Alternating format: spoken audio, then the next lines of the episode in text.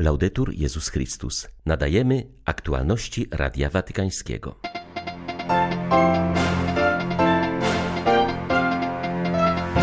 Papież Franciszek zapewnił o solidarności z narodem ukraińskim i ofiarami konfliktów w Sri Lance i Libii.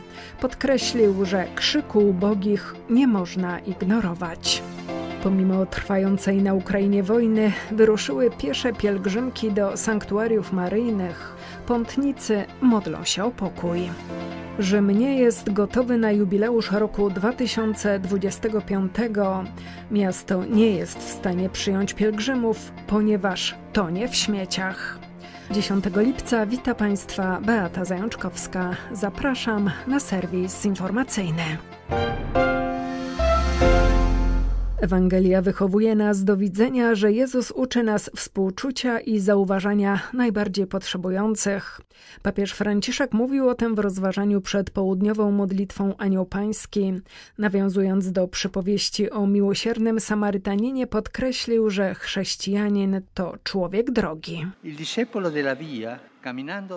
Uczeń drogi, idąc śladami Chrystusa, staje się wędrowcem i uczy się, jak Samarytanin, widzieć i okazywać współczucie. Przede wszystkim widzi, otwiera oczy na rzeczywistość, nie jest egoistycznie zamknięty we własnych myślach. Ewangelia wychowuje nas do widzenia, prowadzi każdego z nas do właściwego rozumienia rzeczywistości, pokonując dzień po dniu uprzedzenia i dogmatyzmy. Śladowanie Jezusa uczy nas współczucia, zauważania innych, zwłaszcza tych, którzy cierpią, osób najbardziej potrzebujących i podejmowania działań tak jak Samarytanin.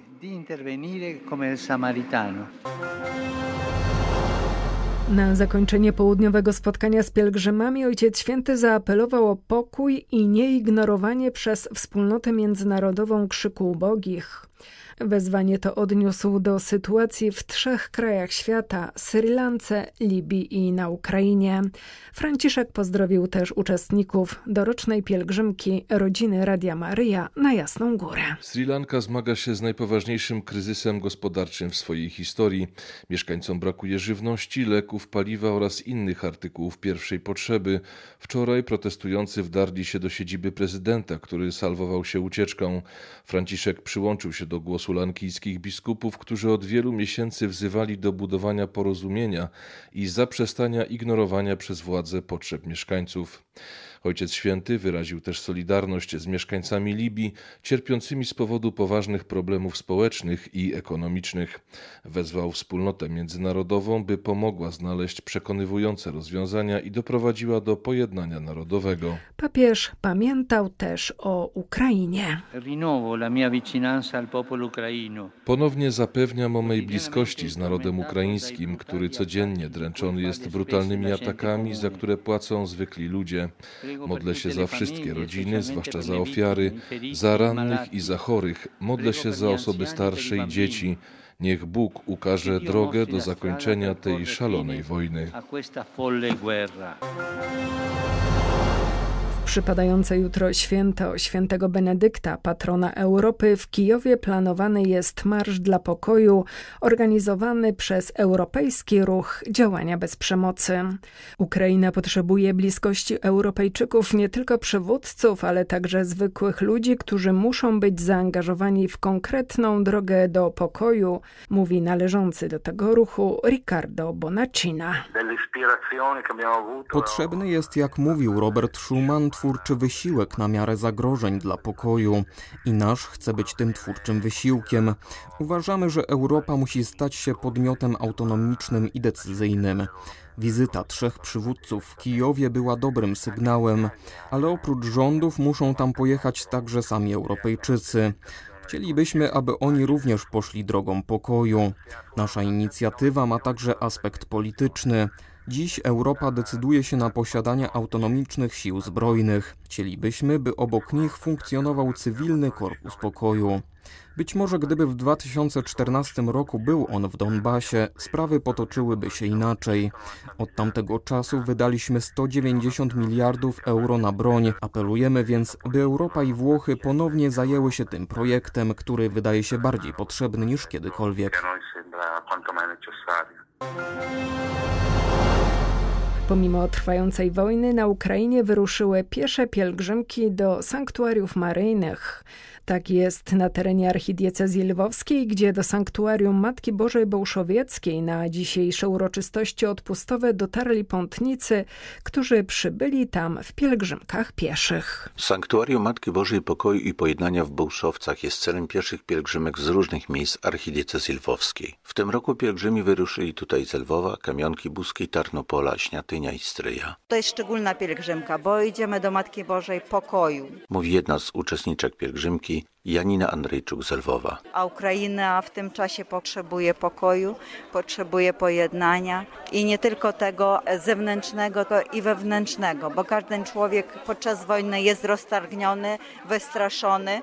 A gdzie możemy znaleźć tą swoją opiekę, jak tu u Matki Bożej w Bolszowcach, Matki Bożej Pojednania i Pokoju. W ubiegłym tygodniu odbył się także odpust w Maryjnym Sanktuarium Diecezji Kamieniecko-Podolskiej w Latyczowie, który zgromadził licznych wiernych. Na mniejszą skalę niż zazwyczaj, bez możliwości pielgrzymowania w dużych grupach, odbędą się 17 lipca uroczystości w Narodowym Sanktuarium Ukrainy w Berdyczowie. Przewodniczyć im będzie metropolita Wilna, arcybiskup Gintaras Gruszas, który stoi na czele Rady Konferencji Episkopatów Europy. Z Lwowa, dla Radia Watykańskiego, ksiądz Mariusz Krawiec, Paulista. Postanowiliśmy, że na Ukrainie będziemy służyć najuboższym. Są to ci, którzy nie mogli uciec przed wojną, ludzie starzy, niepełnosprawni, sparaliżowani, do których często nie dociera żadna pomoc, mówi ksiądz Witalij Nowak, misjonarz świętego Wincentego a Paulo. Z bólem przyznaje, że zdarza się im nie zdążać na czas. Znajdujemy martwych ludzi, którzy zmarli z głodu. Akurat ja jestem dłuższy czas tej wojny przeżył. Większość tej wojny przeżyłem w Charkowie, a tam biskup prawosławny i katolicki żyli w jednej kurii. Dom biskupa prawosławnego znajdował się bowiem w bardzo niebezpiecznym miejscu. Widywaliśmy się z nim codziennie, razem obchodziliśmy jego urodziny. W takiej wojennej próbie zanikają wszelkie różnice. Regularnie przychodzą też do nas księża z patriarchatu moskiewskiego. Wszyscy ze sobą współpracują. U ludzi wierzących wiara jeszcze bardziej się pogłębiła.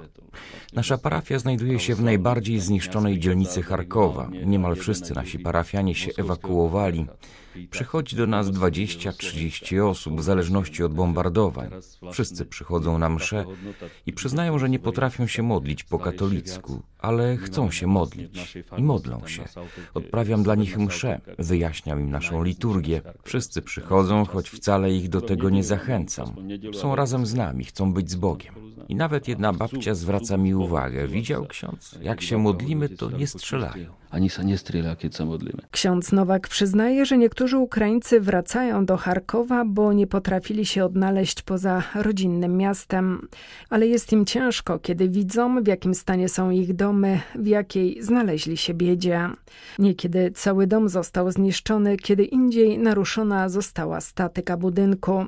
Jak tu mieszkać na dziewiątym czy dziesiątym piętrze, kiedy rakiety zburzyły pół wieżowca, mówi ukraiński kapłan. Wojna to jest prehra ludztwa. Wojna to porażka ludzkości. Ale z drugiej strony ludzie się zjednoczyli.